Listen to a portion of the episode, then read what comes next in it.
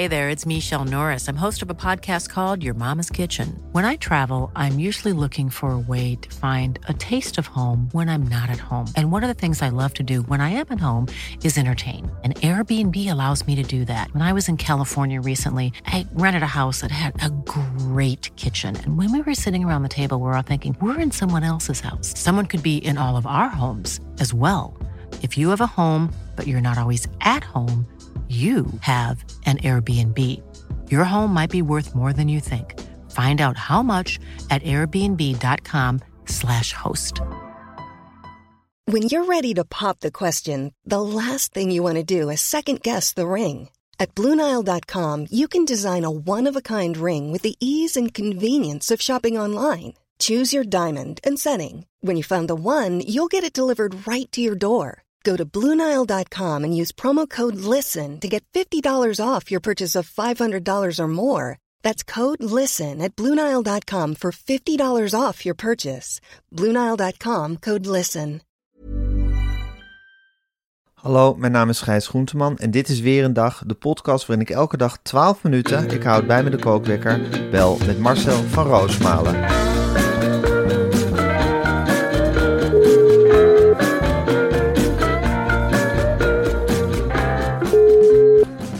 Marcel, een heel goedemorgen. Goedemorgen, Gijs. Mag ik even eh, constateren dat dit een hele gekke dag voor jou is? De dag dat je... En de dag dat je je moeder gaat begraven. En de dag dat je je 55ste verjaardag viert. Ja, dat klopt. Die, eh, je noemt nou de twee hoogtepunten van de dag, de Ja. twee eh, belevenissen. Ja, Ik, eh, we zitten ook extra... er zijn wel eens dagen met minder belevenissen, Ja. toch? Ja. Dit is, dit is wat dat betreft, eh, is het een dag waarin ik mezelf ongewild of gewild, ik weet het niet, ik sta volop in het zonnetje. Ja. Ehm, ik, eh, we zitten ook wat vroeger achter de microfoon, want ik word toch geacht extra vroeg in Velp te zijn eh, Ja.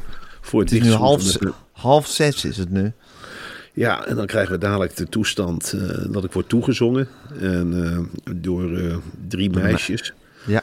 En eh, daarna ja, allemaal feest, natuurlijk cadeautjes uitpakken en dan eh, zwarte kleren aan. En huppakee, die auto in, want ik moet om half elf al eh, op de parallelweg in Velp zijn bij het rouwcentrum. Dan moet ik samen met mijn broer en zus de kist van mijn moeder dichtschroeven.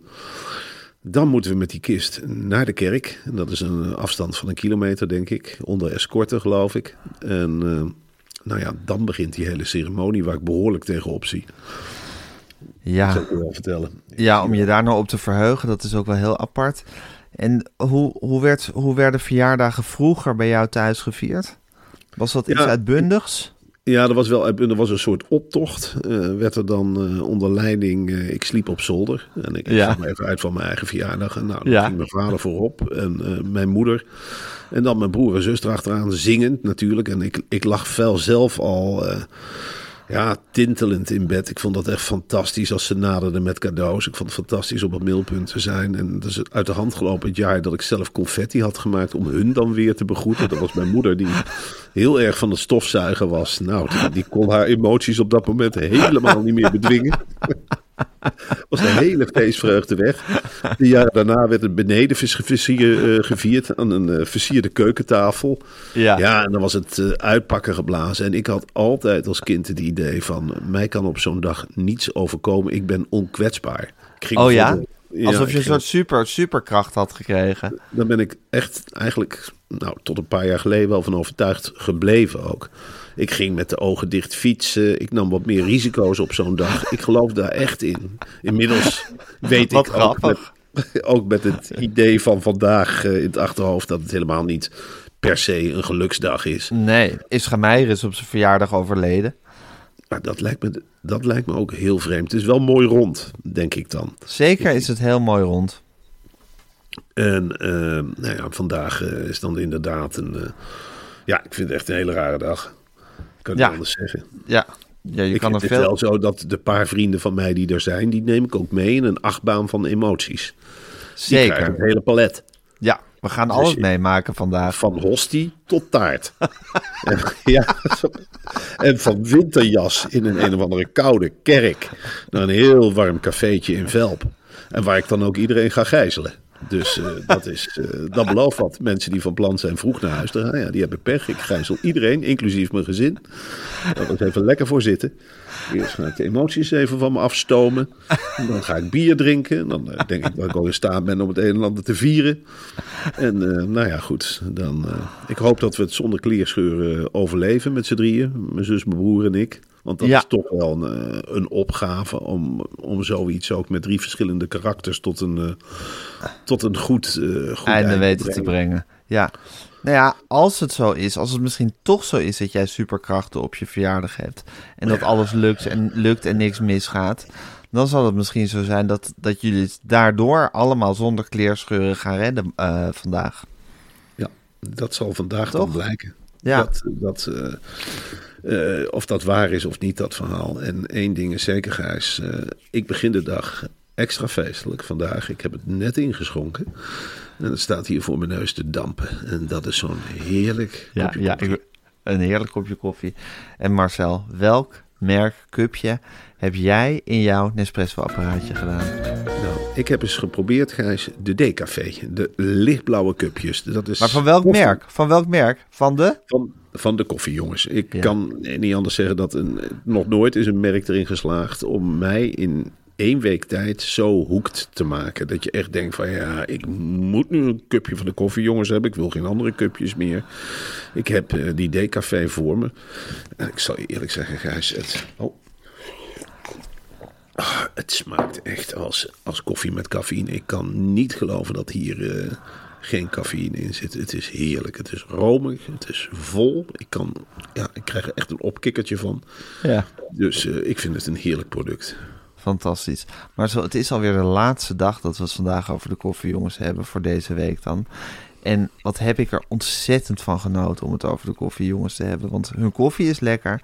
Maar praten over de koffiejongens vind ik ook een waar genoegen. En ik zou heel graag nog even samen met jou de voordelen van de koffiejongens eh, op een rij eh, willen zetten. Want we hebben deze week zoveel over ze geleerd. geleerd. Zou jij misschien eens even het allereerste voordeel van de koffiejongens eh, willen noemen? Ja, maar dat is niet het kleinste voordeel, Gijs. En dat is namelijk de prijs. Ja. De portemonnee ziet er Ja. hier een stukje dikker uit dan vorige week. Want ik hou geld over. De koffie is een stuk goedkoper dan Nespresso. Ja. En daarnaast, Gijs, dat zul je met me eens zijn. Het gemak. Misschien kun jij Ja. erover vertellen.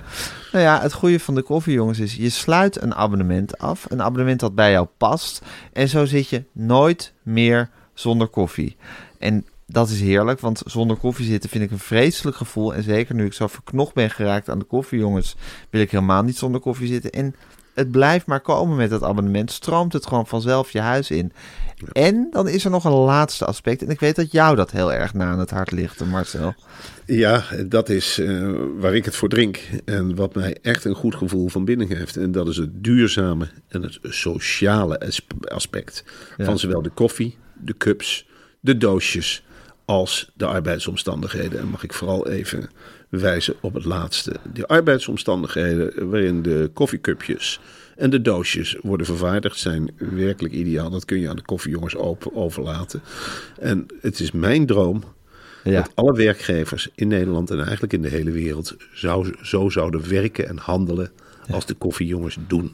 Wat een voorbeeldbedrijf is het, hè, de koffiejongens. is fantastisch. Ja, en wist je Marcel dat de koffiecups van de koffiejongens ook ideaal zijn voor op kantoor? Je kan ze dus kopen in voordelige grootverpakkingen van 50 stuks. En ik ga dat ook zeker bij Tinkennis even flink onder de neus wrijven. En ook bij meer van dit zullen we dit heel serieus... Nemen we dit al heel serieus, want we zijn een echt koffiejongensbedrijf. Maar het is zo handig voor je bedrijf om gewoon in lekkere grootverpakkingen... die voordelige en duurzame koffiecupjes binnen te halen. Want iedereen smult ervan. Ga naar www.dekoffiejongens.nl. En welke code moet er dan ingevuld worden? Ja, de code weer een dag. Dat is de naam Ja. van deze podcast. En dan krijg je, Gijs, en hou je nu vast, niet één keer, maar twee keer 5 euro korting. Ja. Op de eerste twee orders van een abonnement. En dan, Ah. ja, dan krijg je twee keer een extraatje. En met dat geld, ja, je kunt er ook heel veel goeds mee doen in deze moeilijke tijden. Ik zou zeggen, twee keer 5 euro korting. Dat geef je dan misschien een Giro 555 als je toch lekker bezig bent. Want je verdient Ja. Zoveel Zeker. alleen al met zo'n abonnement. Want dat vergeten we er vaak bij te zeggen. Het is zoveel goedkoper dan een espresso cupje.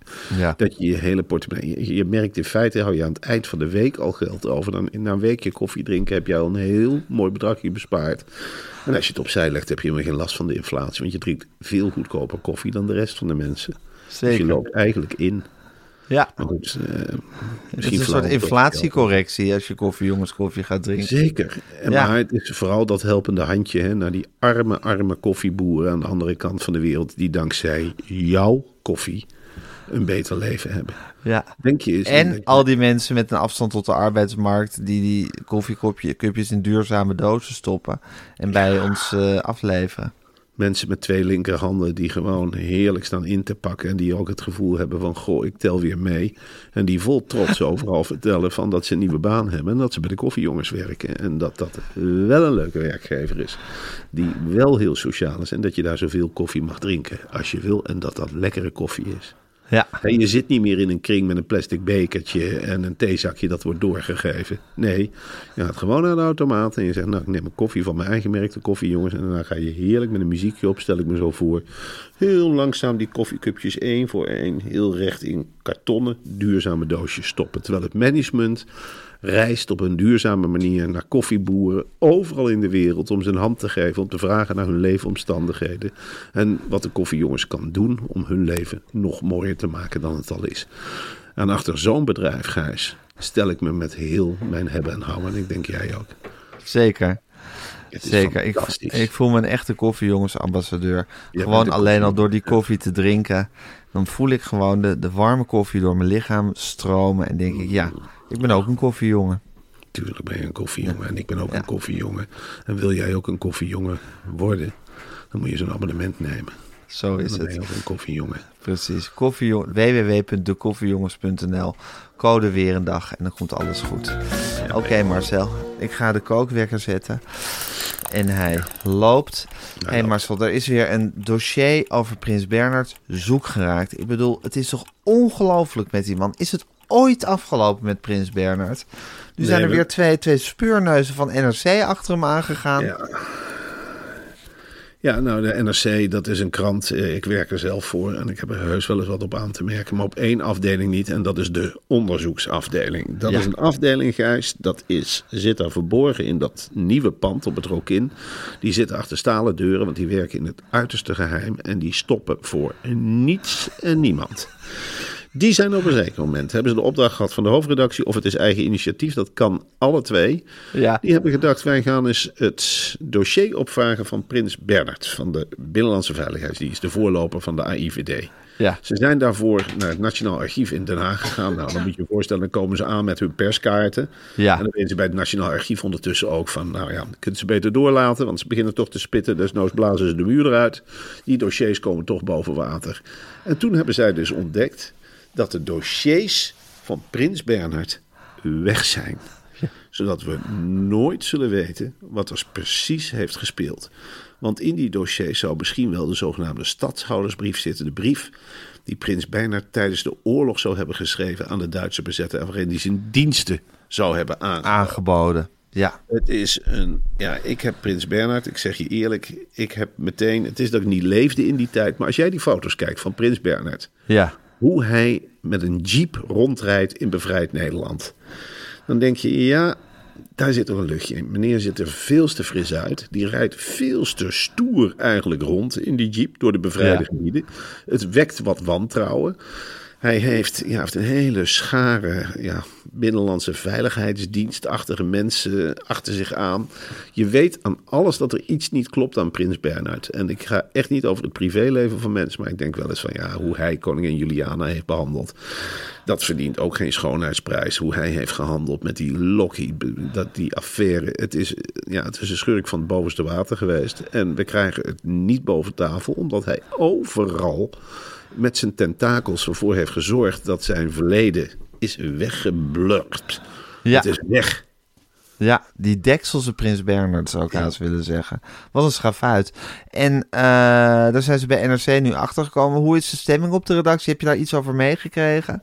Nou, ze zijn dan nooit, ze zijn dan nooit euforisch. Maar Nee. als je nou iemand aan de lijn krijgt, dan, dan merk je wel dat ze trots zijn. Dat ze weer een onthulling hebben. En eh, nou ja, dat- die, vol- de onthulling heeft de Volkskrant helemaal niet. Die heeft een paar jaar geleden nog, eh, toen Prins Bernhard overleed. Ja, toen zijn Ja. die Snuf en Snuitje, Pieter Broertjes en die... Jan Tromp. Die Jan Tromp, ja, die hoef je maar het woord scoop in het oor te fluisteren. En ze beginnen alle twee te tintelen en verliezen ieder kritisch vermogen.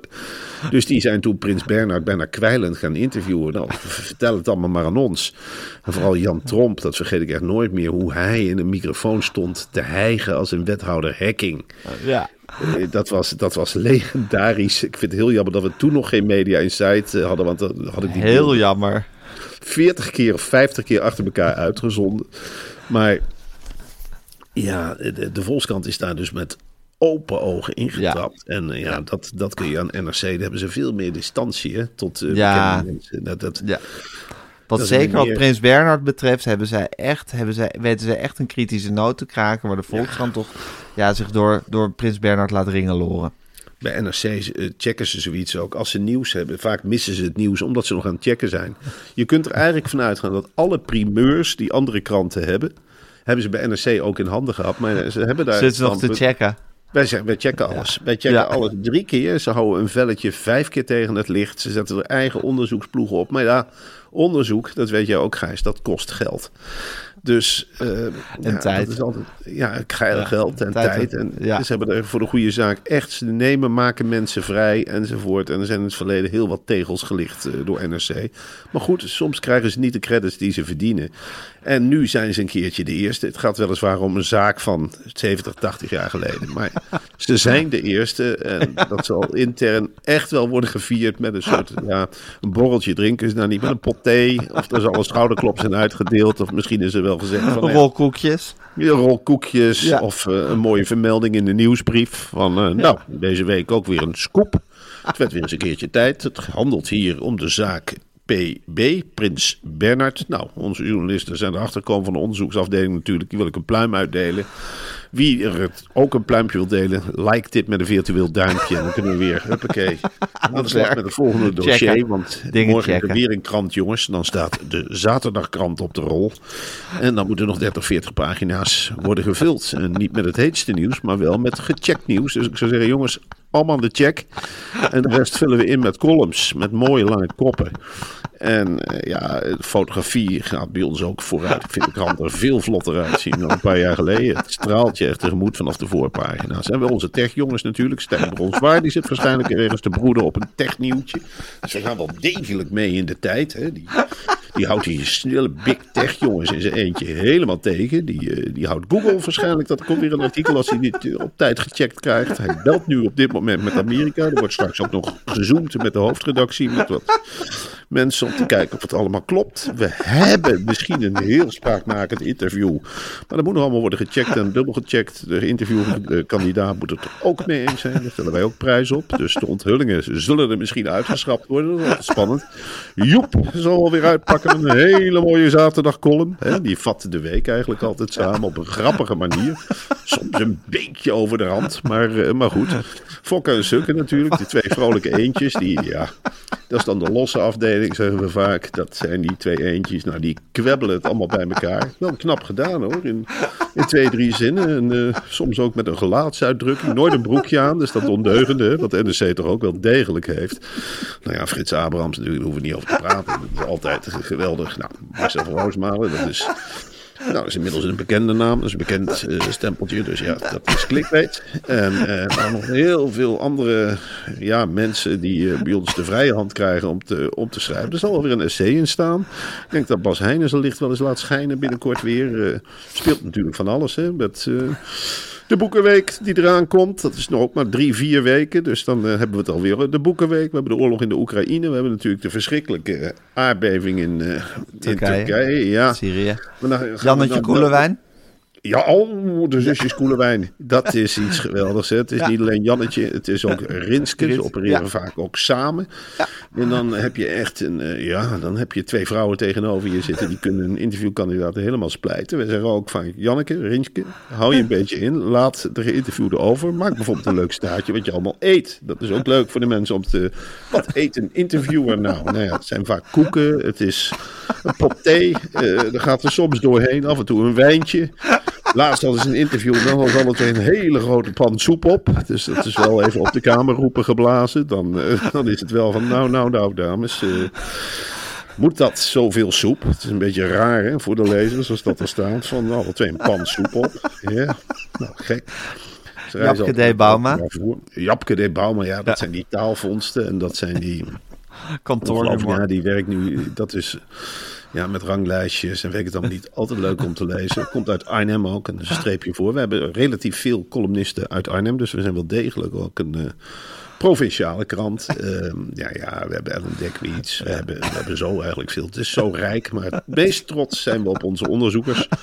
Mensen die liever anoniem zijn. Die geboren zijn met een stempeltje. Ja, we hebben, wil ik ook even melden. Jan Meeuws. Hè? Die man die Ja. zijn eentje eigenlijk Holleder helemaal dol heeft gemaakt. Ik zeg niet dat hij daarom is opgesloten. Maar hij heeft wel, vind ik ook eigenlijk eh, serieus, een van de betere podcasts. Echt, waarin hij de Nederlandse misdaadwereld helemaal tegen het licht houdt. Dus het is nog En Tom om- Jan Meeuws?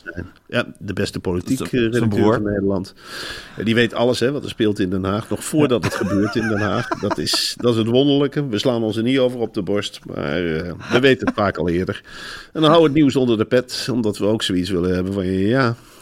We weten het wel wat er gaat gebeuren. Maar als je het opschrijft, dan ben je toch een beetje een eh, oncheckbare factor. En dat houden we even voor ons. Maar we weten het wel. We weten best hoe Nederland eruit gaat zien hoor, in 2035. En dan gaan wij digitaal een hele mooie slag maken als je voorbereid bent. We gaan bij NRC niet werken met ChatGPT. De, de, de cijfers blijven gewoon schrijven wat ze doen. De koppen, we hebben nou een tijdje geëxperimenteerd met de koppen voor de artikelen met ChatGPT. En het werkt helemaal niet. We hebben een heel mooi board hè, waarmee we onze redacteuren stimuleren. Dat heet de Big Board. En dan kan iedereen zien hoe goed zijn artikel scoort. Dus dan heb je een ja, dat is een palet aan artikelen en dat wordt het ene artikel steeds groter. Dat is een ontzettend spannende wedstrijd voor redacteuren onderling ook. Ik verwacht van Prins Bernhard stuk dat dat heel lekker gaat scoren. En als het niet zo is, nou ja, dan is het onderzoekswerk en dan is het toch maar gedaan. Toch waardevol. Hey, maar zo over politiek gesproken. Heb jij die, die, die lijst van de boerenburgerbeweging eh, gezien voor de Eerste Kamer? Ja, het is, Dat zijn allemaal soort afvallige VVD'ers staan daarop. Het is, het is werkelijk ongelooflijk. Het blijkt dus ook gewoon een conctie van uitgerangeerde VVD'ers te zijn. Ja, Caroline dat wist ik ook Plas- niet. Ja, dat is. Caroline van der Plas blijkt gewoon. Ik, ik denk dat af en toe heb je wel eens van die, van die dingen in je hoofd, Gijs, dan van, van die waanbeelden. Dat je denkt, zou Rutte zo slim zijn dat hij gedacht heeft: nou ja, je kunt natuurlijk niet altijd de grootste blijven. Zullen we gewoon satellietpartijen beginnen die net doen alsof ze niks met ons te maken hebben. Nou, dan kunnen we dus iedere minderheid, zoals de boeren, een eigen podium geven, een boos podium. Ja. En dan ga je in feite gewoon straks met jezelf regeren. En in die boer-burgerbeweging zitten dus, ja, die, ik weet niet of jij hem nog kent, Gijs, eh, Oplaat. Ja, Gertjan Oplaat. Gert-Jan Oplaat. Jarenlang was meneer een, een, een VVD-pion. Ja, En dan een eh, boze VVD-pion. een hele boze VVD-pion. Ja. Ik had ook altijd zoiets als oplaat op tv kwam. Nou, dan zet je het ding gewoon uit. Hij sloeg geen deuk in een pakje boter. maar nu we het over pakjes boter hebben. Meneer verleidt zich neer in een klont boter. En die glijdt mee met Caroline van der Plas. Nou, hetzelfde geldt eigenlijk voor lijsttrekker Ilona Lagas. Ja, Ja, die was ook decennia lang lid van de VVD. En heeft al een hele lange politieke carrière achter de rug. Dus ik vraag me wel eens af waar eh, die boer-burgerbeweging eigenlijk voor staat. Ik vind relatief ook weinig boeren op de lijst staan. Ja, het zijn al VVD'ers. ja. En wat is dit? Ja, Ja, Caroline en zal het wel weer uit kunnen leggen, maar eh, het slaat natuurlijk helemaal nergens op. verwacht je dat ze groot gaan worden, Marcel, de Ja, boerenburgerbeweging? dat ze heel gek. Ik heb Ja? totaal het vertrouwen in het Nederlands stemvee Ja, verloren. Ik, heb, eh, ja, ik wil er niet eens meer weten wat mensen stemmen. alles kan. Alles kan. Eh, Als ik, het, ja, als ik- het maar walgelijk is. ik fiets wel eens door Wormer en dan in slechte dagen dan denk ik, dan zie ik ze en dan kijken die koppen me aan. Hè. Van de koeien of van de twee mensen? ogen. van de mensen. Sommigen hebben Ja. twee ogen, sommigen hebben er drie. Maakt allemaal niet uit. En dan denk ik stemrecht, stemrecht, stemrecht. En dan zie ik mezelf fietsen en dan denk ik, jongen, fiets toch weg.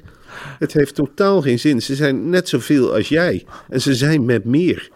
En zo is het in heel Nederland. Ik kan me niet aan de indruk onttrekken, Gijs, dat wij veel te veel vertrouwen op het intellect van onze samenleving.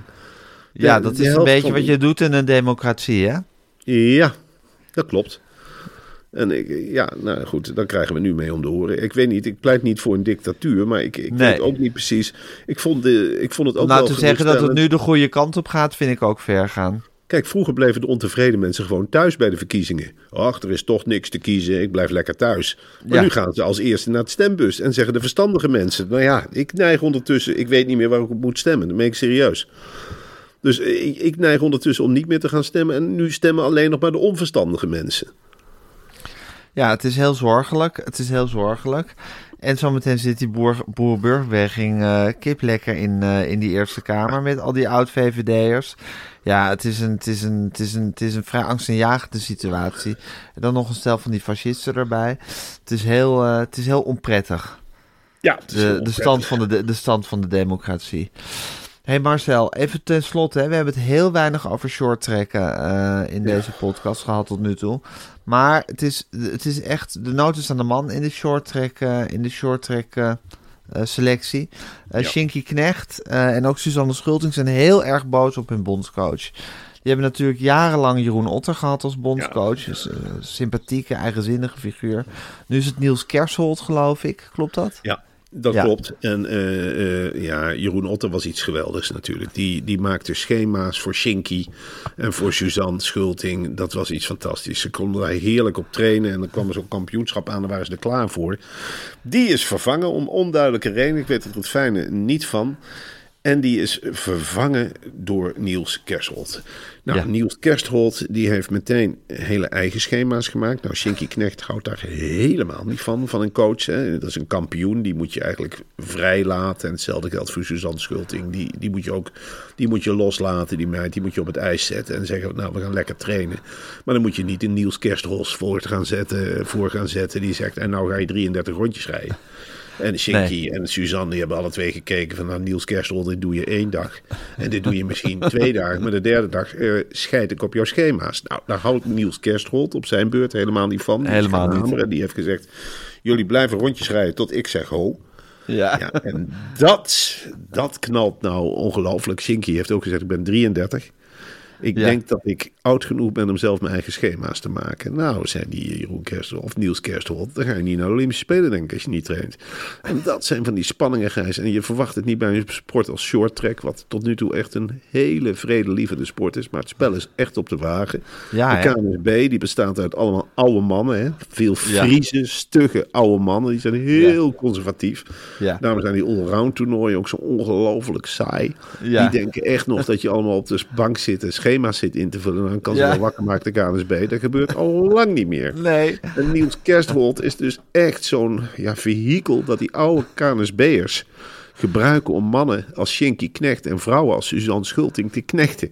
Eronder te houden. Eronder te houden. Ja. En ik durf je wel te zeggen dat ik in deze strijd blind sta achter Shinky Knecht Ja? en Suzanne Schulting. Omdat Ja? je, ja, je bent een Nederlander. Dit zijn echt twee mensen die voor een hele mooie bubs plakken kunnen gaan zorgen bij de volgende Olympische Spelen. En dat wordt misschien nu wel gedwarsboomd door de KNSB, omdat die iemand hebben eh, aangesteld met de naam Niels Kerstholt. Het is En er moet heel hard ho tegen gezegd worden. Er moet heel hard rood tegen gezegd worden. Want anders kan het wel eens zijn dat zowel Shinky Knecht als eh, Suzanne Schulting zegt... nou, weet je wat, we gaan voor een ander land schaatsen. Wordt het een schaatsbelg, shorttrack Belg En bijvoorbeeld. dat hebben we vaker gehad met die duivelse Ja. Bart Veldkamp. Zeker. En dan kun je dus met eigen opgeleide mensen... wel eens aan een Nederlandse grote gouden vracht gaan lopen knabbelen. En dat moeten we met z'n allen echt gaan voorkomen. Want er is echt niks mooiers. En dat vind ik echt als Nederlander. Als je naar de Olympische Winterspelen zit te kijken. En je zet de tv aan. En je denkt, hé, hey, dat muziekje ken ik. Dat is heel. Het zal er niet zijn dat we weer een gouden plak hebben. Ja, ja hoor. We staan, hoeveel staan we nou op medailleklassement? Vier of vijf? Nou, dan, dan ligt de weg Duitsland nog boven ons. Frankrijk en Zwitserland. Nou, als we met short trekken nou eens vier, vijf gouden medailles eh, bijhalen. Dan komen we misschien wel op nummer... Nee, dat gaat niet. Shinky en Suzanne schaatsen voor België. Omdat ze destijds Niels Kerstrot hebben aangesteld. Ja, dat, die situatie wil je niet. Nee, dat moet je absoluut zien te voorkomen. Nou, laat het een waarschuwing zijn, dit. Ja, en een, eh, een, red flag, een soort red flag die er nu, die, die er nu opgestoken wordt. Eh, Als wij goed met een het- redactie werken, Gijs, die ons niet bevalt. ja, als Masboom op een zeker moment... Als Masboom met andere schema's komt. Nee, maar die komt met eigen ideeën. En die zegt op een zeker moment, ik heb dit idee. Ja, Ja, dan zitten wij toch ook met z'n tweeën elkaar aan te kijken. Van, eh, sorry, eh, je hebt Ben je gek geworden? Ben je helemaal gek geworden? ja. Ben je helemaal, ja, wij hebben toch onze eigen ideeën. En zo is het ook met Shinky en met Suzanne gegaan. Die hebben jarenlang lekker gewerkt. En in één keer is daar Niels Kersthold. Je zult het maar horen op een ochtend. Ja. Je gaat vrolijk naar de schaatsbaan. Huppakee, naar Zwijndrecht of wat trainen ze, Dordrecht. En je doet je schaatsen aan. En in één keer zeg je, hé, er staat een vreemde snuiter op het ijs. Dan zeg ik, goedemorgen, goedemorgen. Nou, ga maar rondjes rijden. Ga maar rondjes rijden. We doen toch al een tikkertje eerst om warm te worden, of niet? Suzanne, wij deden toch altijd een tikkertje, of niet? Nee, maar ik ben Niels. Ik wil bij jullie rondjes gaan rijden. Ja, Shinky, dan moet je drie keer tegen Shinky zeggen. Die wordt helemaal gek. Ik zeg, ik rij dadelijk van de sloffen, jongen. Niels met die grote bolle kop. En Su- Su- Suzanne Schulting ook. Die zegt ook van, nou, je moet oppassen, Niels. Je moet echt oppassen. Ik heb een paar gouden plakken in de zak, hè. Als ik naar de pers loop, word je helemaal een kopje kleiner gemaakt. Dus Shinky Knecht wil meteen vechten. Die zegt, ik slijp je bek, Niels. Jullie gaan rondjes rijden. En dat, dat, ja, dat broeit enorm. Ja. Het is leuk om naar te kijken, maar voor het Nederland is het heel, heel slecht. Je hebt wel met Slecht, short track slecht nieuws voor het met- Nederlandse short track dit. Ongelooflijk slecht nieuws. Je hebt te maken met concurrentie van Koreanen, van Japanners, van Chinezen zelfs. Italianen. Italianen, Italiaan. Fransen, Canadezen. is een heel groot shorttrack land. Ja, ja. Oeh, onderschat ze niet hoor. Er zijn daar shorttrack hallen zoals wij voetbalvelden hebben. Overal shorttrack hallen. En Shinky Ja? en Suzanne zijn de enige twee die nog, ja, die, die nog strijden voor die gouden plakken. En ze zijn goed, hè. Oeh, ze zijn zo scherp. En slim, slim, slim. Maar ja, als je dat af gaat pakken, als je Niels, ja, als je Niels Kerstholt erop gaat zetten, ja, dan kan die slimmigheid wel eens omslaan in boosheid. ja, en dan kan je wel eens heel lelijk in de problemen komen. Ja, en schaatsers, dat weet jij ook, hè. Dat, die hoeven niet van de hersens te hebben, Gijs. Nee, Die denken maar aan het is één geen ding. denksport. Het is absoluut geen denksport, het is een duursport. Ja, Het is een aangeleerde sport. En ze zijn ongelooflijk gespierd en sterk, zowel de dames als de heren. Ja, en die, als je die boos maakt met hun topsportmentaliteit. Als dat naar de kop stijgt, die adrenaline, ja, dan zou ik niet op het ijs durven te staan om allemaal dingen te zeggen. Als je rijdt nog een rondje dit en rijdt een rondje dat. Dan kan je de kop kosten, letterlijk en figuurlijk. Maar goed, dus, dit onderwerp. en dan kan je wel eens heel lelijk in de problemen komen. Nou goed Marcel, dat is heel goed dat we dat nu even behandeld hebben en gezegd hebben. Ehm, het is tevens het einde van de aflevering. Dus ik ga, want de kookwekker is al gegaan. Dus ik ga jou een hele Ja. Ja, ik ga je een goede verjaardag wensen. Ik hoop dat je deze dag goed doorkomt, dat je je superkracht goed zal gebruiken. Ja. En eh, eh, ja, dat je, dat je uiteindelijk aan het eind van deze dag met een goed gevoel erop terug zal kijken. Eh, we zien elkaar zo meteen. Hou je haaks, Marcel. En we zien elkaar morgenochtend ook weer voor Podimo, hè? Ja, daar gaan we Ja. gewoon door alsof er niks gebeurd is. Gaan we gewoon door alsof er niks gebeurd is. En dan, eh, ja, dan zien we elkaar weer. Ik zal daar naar je eh, knikken in de kerk. En dadelijk heel eerst een goed. hele bult cadeautjes, hoop ik. Daar heb ik op zin in. Oké, Marcel. Geef, je, geef je meiden een lekkere dikke knuffel. En eh, tot zo. En tot morgen voor Podimo. Oké, jongen. Doeg! Doei.